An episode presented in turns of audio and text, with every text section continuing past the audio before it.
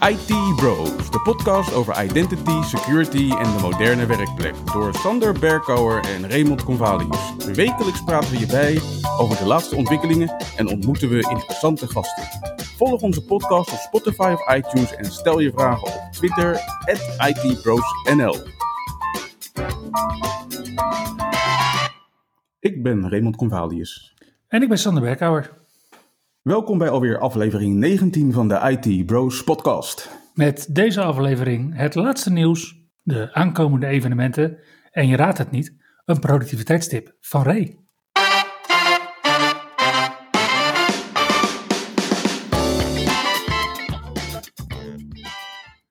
We beginnen een beetje afgezaagd te worden, Ray. Niet alleen met jouw productiviteitstip, maar ik denk dat onze luisteraars ook met deze aflevering wel weer verwachten dat we het gaan hebben over de Patch Tuesday die deze week was. Dat denk ik ook. Al vond ik hem deze week eigenlijk minder spectaculair dan de afgelopen maanden. Of uh, is het gewenning? Nee, dat is zeker geen gewenning. Deze Patch Tuesday werden er relatief weinig kwetsbaarheden geadresseerd door Microsoft. We zagen er in totaal 50, waarvan, en dit is wel weer een hoog aantal, zes actief al misbruikt worden. En daarvan was er één kritiek. Ik zei het al, het zijn 50 security fixes. Ik heb hier het lijstje voor me. Ja, wat ik zie is kwetsbaarheden onder andere Office, Windows Defender, dat was er genoemd, maar dat maakt volgens mij niet uit. NTFS, Remote Desktop, ga zo maar door. Interessant is ook, uh, ik zie daar kwetsbaarheden in 3D-viewer en Paint 3D. Daar hadden wij een tijdje geleden nog over. Dat dat, dat eruit is sinds Windows 10 21H1. Dus dat betekent dat als jij als organisatie gewoon lekker up-to-date bent, dat er nog maar maximaal 48 kwetsbaarheden waren deze maand. De zwaarste kwetsbaarheid deze maand zit in Windows Kerberos. In combinatie met app containers. Dat je ineens zomaar tegen een willekeurige eh, service principal name aan kunt authenticeren. Zeer onwenselijk. En ja, identity, hè, het uh, blijft een dingetje. Ja, ja, ik zag al wat uh, reuring ontstaan uh, bij onze broeders die zich bezighouden met Citrix.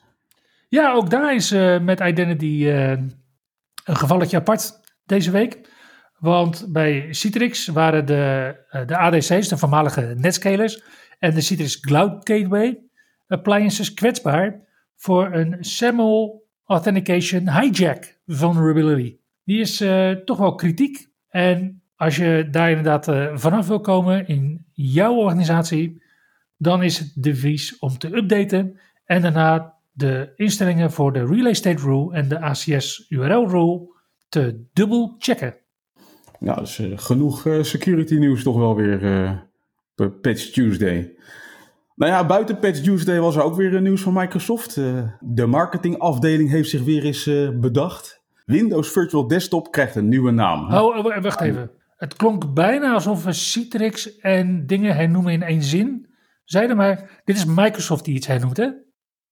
Microsoft okay. Marketing heeft iets hernoemd, namelijk Windows Virtual Desktop. Volgens mij bestaat het product nog niet zo heel lang. Maar vanaf nu heet het Azure Virtual Desktop. En uh, met de aankondiging van Azure Virtual Desktop heeft Microsoft meteen een aantal aankondigingen gedaan voor uh, nieuwe functionaliteit.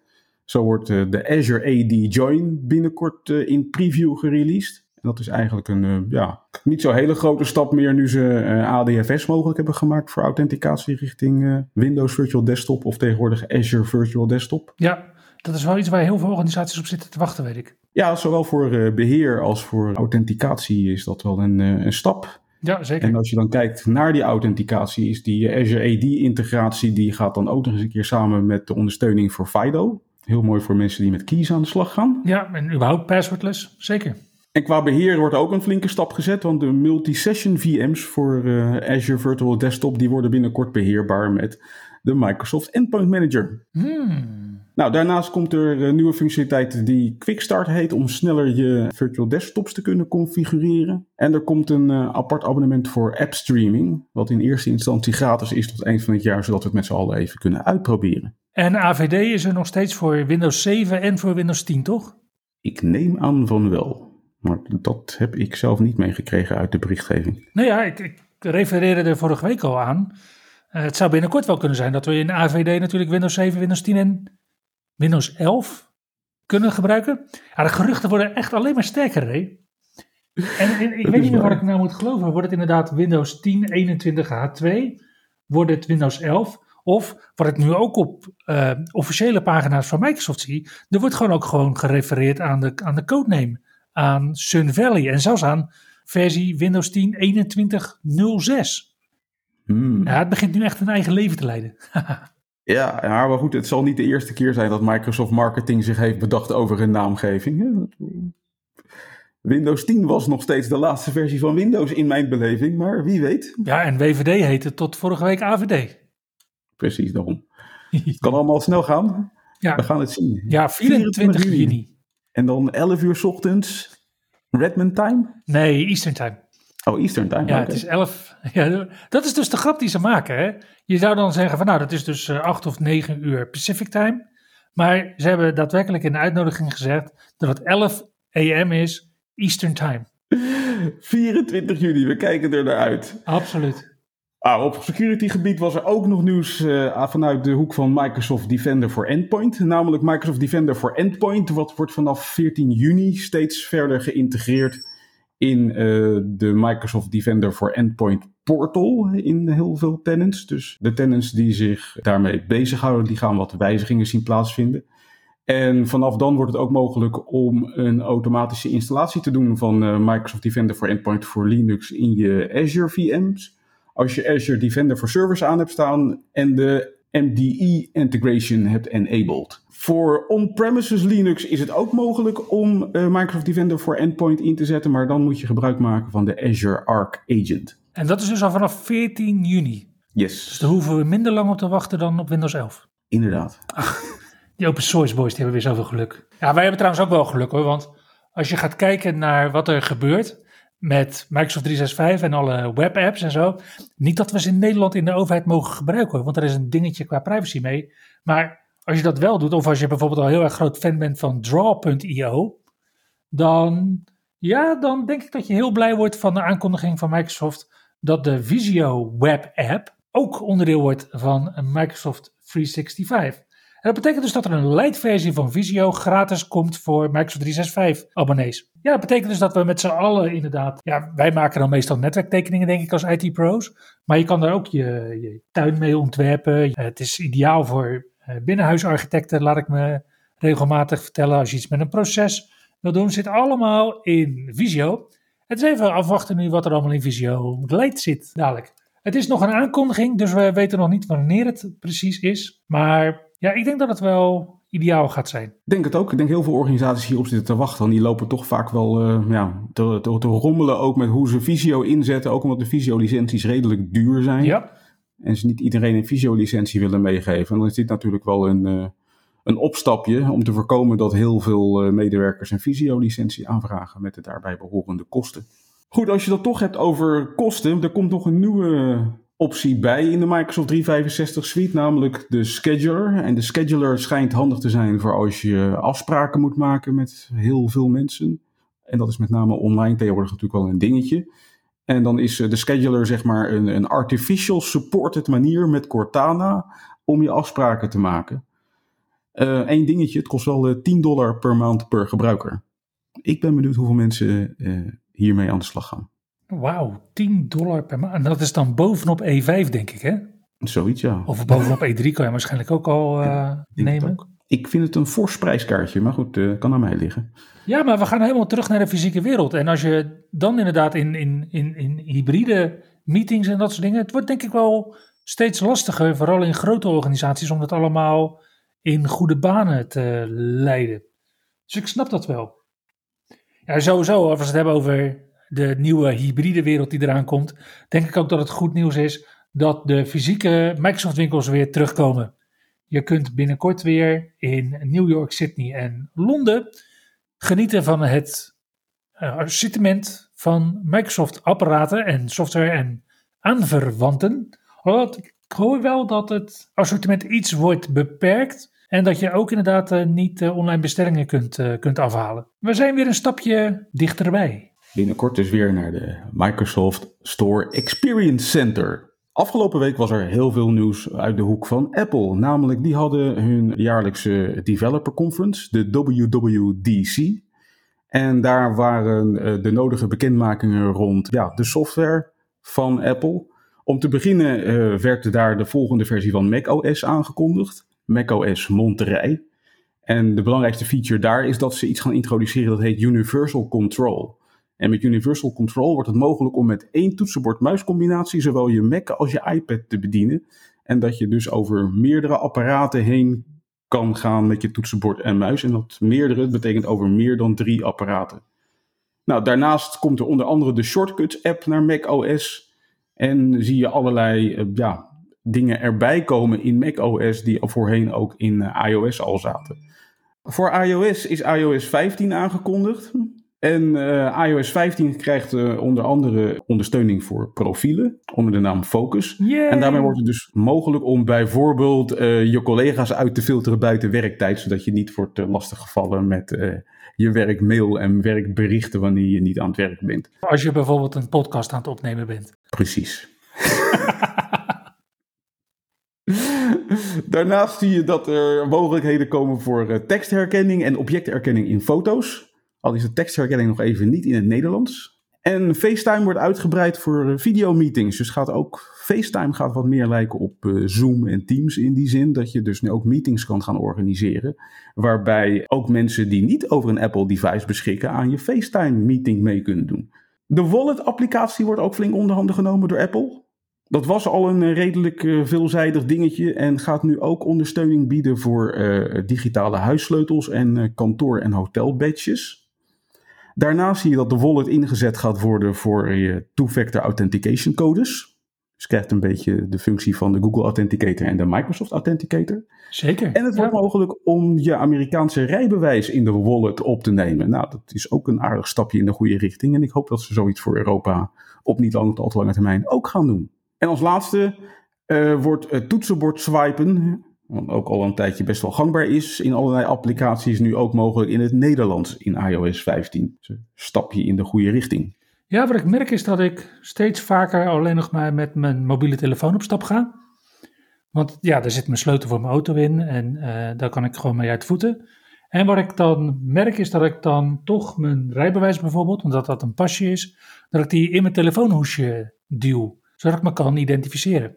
Ja, als dat inderdaad ook op de wallet uh, zit, dan ja. Ja, nou ja, die, die wallet die, dient, die, is nu, die is nu al handig voor al mijn bankpasjes en mijn creditcards. Dus het uh, zou een welkome aanvulling zijn als mijn uh, ID-papieren daar ook nog even in terecht kunnen. Yep.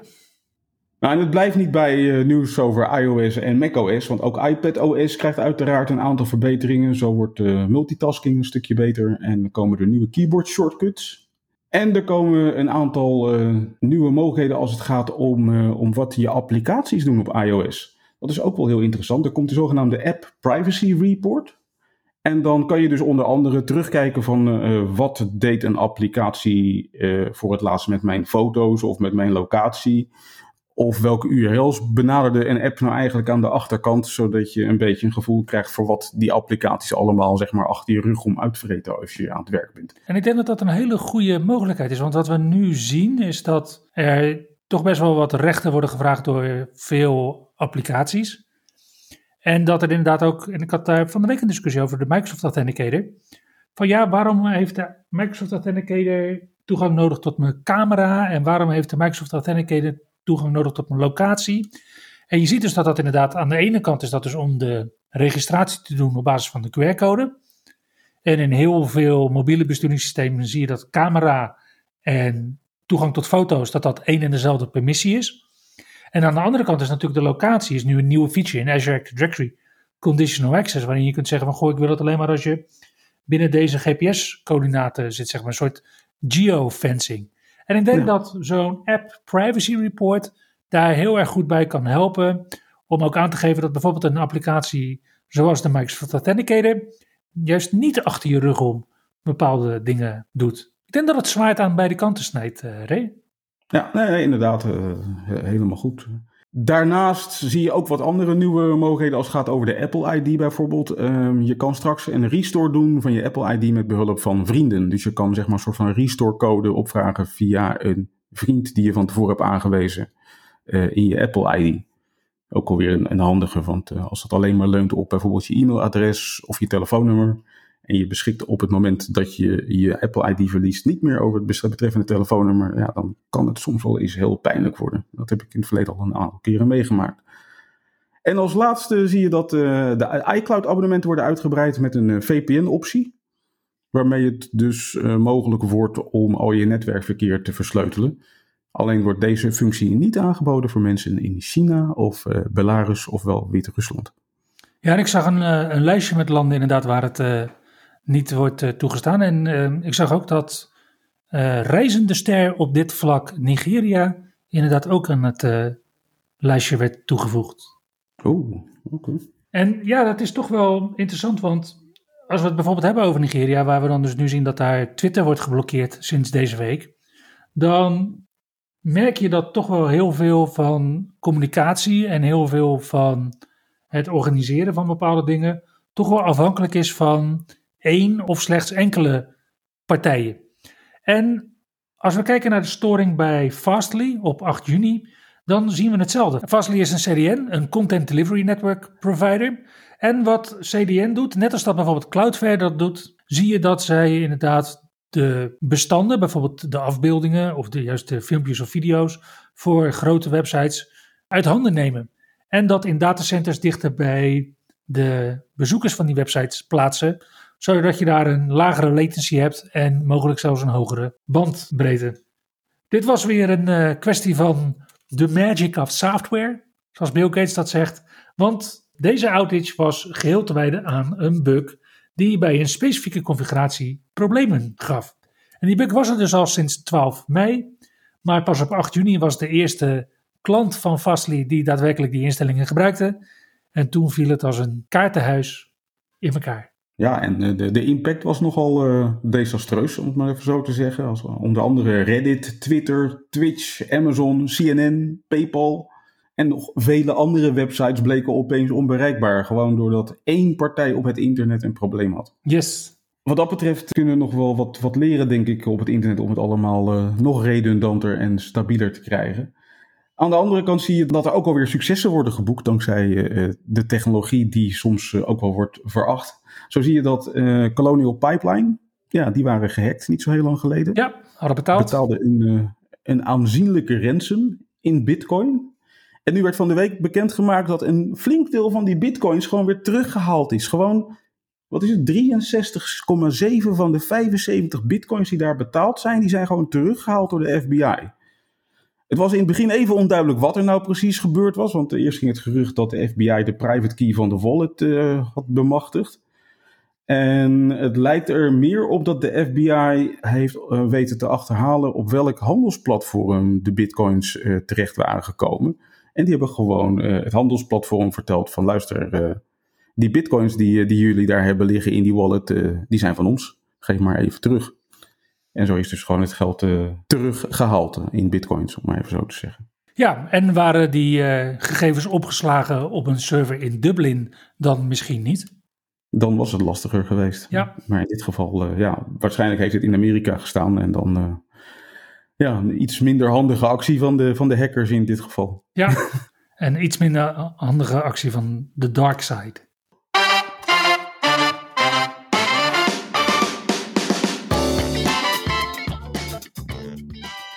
De aankomende evenementen. Yes, op 15 juni aanstaande heeft de Dutch PowerShell User Group, ofwel de DubSuc, de volgende virtuele meeting. Namelijk, ze ontvangen Jacob Jaris. En die gaat het hebben over profiling scripts with profiler en pester. En Jacob, weet je, als er één iemand kan uitleggen hoe pester werkt, dan is het Jacob wel. Want Jacob onderhoudt pester. Okay. En profiler ook trouwens. Dus ja, dit is een hele interessante sessie. En het blijft niet bij Jacob. Nee, ze krijgen ook die andere topper op bezoek, namelijk Barbara Forbes. Hmm. Ons wel bekend. En die gaat het hebben over Bicep en PS Arm. Ja, cool. Ja, dat is dus 15 juni, de Dubsug. Op 15 juni en 16 juni kun je ook smiddags genieten van Microsoft's Azure Kubernetes Summit. Daar kun je je voor inschrijven. Dat zijn twee middagen virtueel, waarin Microsoft uitlegt wat de best practices zijn voor netwerken en informatiebeveiliging rondom Kubernetes, rondom containers. En op 21 juni tot en met 3 juli vindt de Identityverse plaats. En dat is een hybride evenement, dus uh, zowel virtueel als fysiek in Denver. En dat is het evenement voor de Identity Professionals. Hier komen sprekers vanuit de hele industrie spreken, onder andere André Durant, de CEO van Ping. Alexander Weinert, Director of Identity Security bij Microsoft. En Jim Scharf, de VP van AWS Identity. En dit is alweer de twaalfde keer dat dit evenement wordt georganiseerd. Dus blijkbaar ja. een ja, het is succesvolle aangelegenheid. Ja, het is een populair evenement. En wat ze doen deze twaalfde keer, is dat ze ook kijken om het van een evenement naar een soort community te draaien. Waarin ze zeggen, ja, het is wel leuk zo'n week, Identiverse, maar ja, eigenlijk leven we allemaal in de Identity Universe. Dus waarom is dit niet gewoon een platform wat het hele jaar door waarde biedt? Nou, dat gaan ze dit jaar proberen. Oké, ik ben heel benieuwd.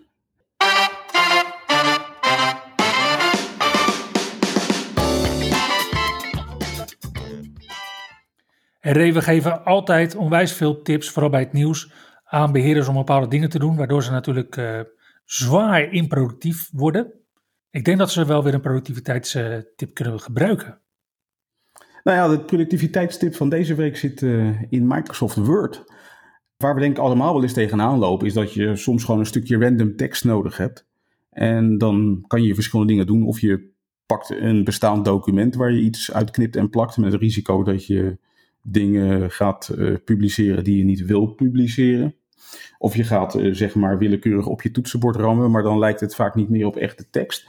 En daar blijkt een veel slimmere truc voor te zijn in Word. Je kan Word namelijk random tekst laten genereren. En het enige wat je daarvoor hoeft te doen, is dat je in Word het volgende intikt.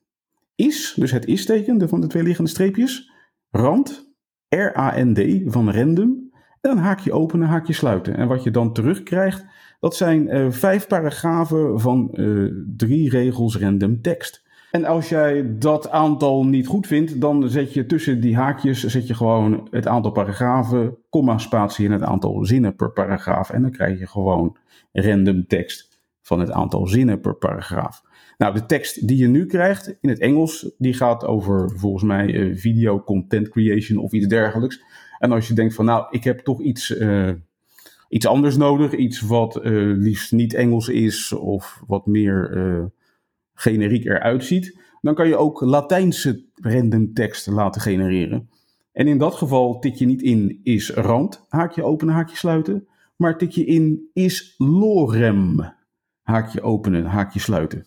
En als je is lorem, haakje openen, haakje sluiten intikt, dan krijg je een tekst te zien die eruit ziet als iets als uh, lorem ipsum dolor sit amet. Vraag me niet wat het betekent. Het klinkt nu al intelligent. Ja, precies. Maar dus ook weer vijf paragrafen van drie zinnen in het Latijn. En dan heb je dus een iets eh, meer intelligent klinkende random tekst. Ja, nou, ik snap, wel, ik, ik, snap wel waarom jij met deze tip komt. Want ja, als identity en security architect moet jij natuurlijk vaak documenten schrijven.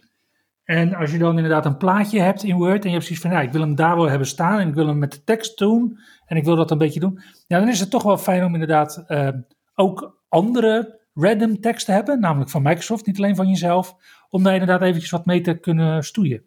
Ja. Bijvoorbeeld. Ja. Ja, ik vraag me af hoeveel klanten dan ook merken als je het niet verwijdert. Hmm. Ja, en dan is dat niet eens de laatste optie voor random tekst. Er is er namelijk nog eentje en die klinkt een stuk minder intelligent. Namelijk, deze functie bestaat al heel lang. En vroeger kreeg je niet gewoon zeg maar, een stukje random tekst over video, maar toen verscheen de tekst: The quick brown fox jumps over the lazy dog. En dat uh, heel vaak achter elkaar uitgetypt in meerdere paragrafen. En dat kan nog steeds. Alleen dan moet je niet intikken is rand, maar dan moet je intikken is rand.old. Haakje openen, haakje sluiten. En dan krijg je dus uh, vijf paragrafen over de Quick Brown Fox. Tot zover deze tip over het genereren van random tekst in Microsoft Word. Zodat jullie, zelfs als je in Word bezig bent, toch productief kunnen zijn. En daarmee sluiten we deze aflevering van de IT Bros weer af. Dankjewel voor het luisteren en tot de volgende keer. Tot de volgende keer. Je luisterde naar IT Bros, de wekelijkse podcast over identity, security en de moderne werkplek. Abonneer je op Spotify, iTunes of Google Podcast als je de volgende aflevering niet wilt missen. Heb je hints of tips? Laat dan van je horen op Twitter. @itbrosnl.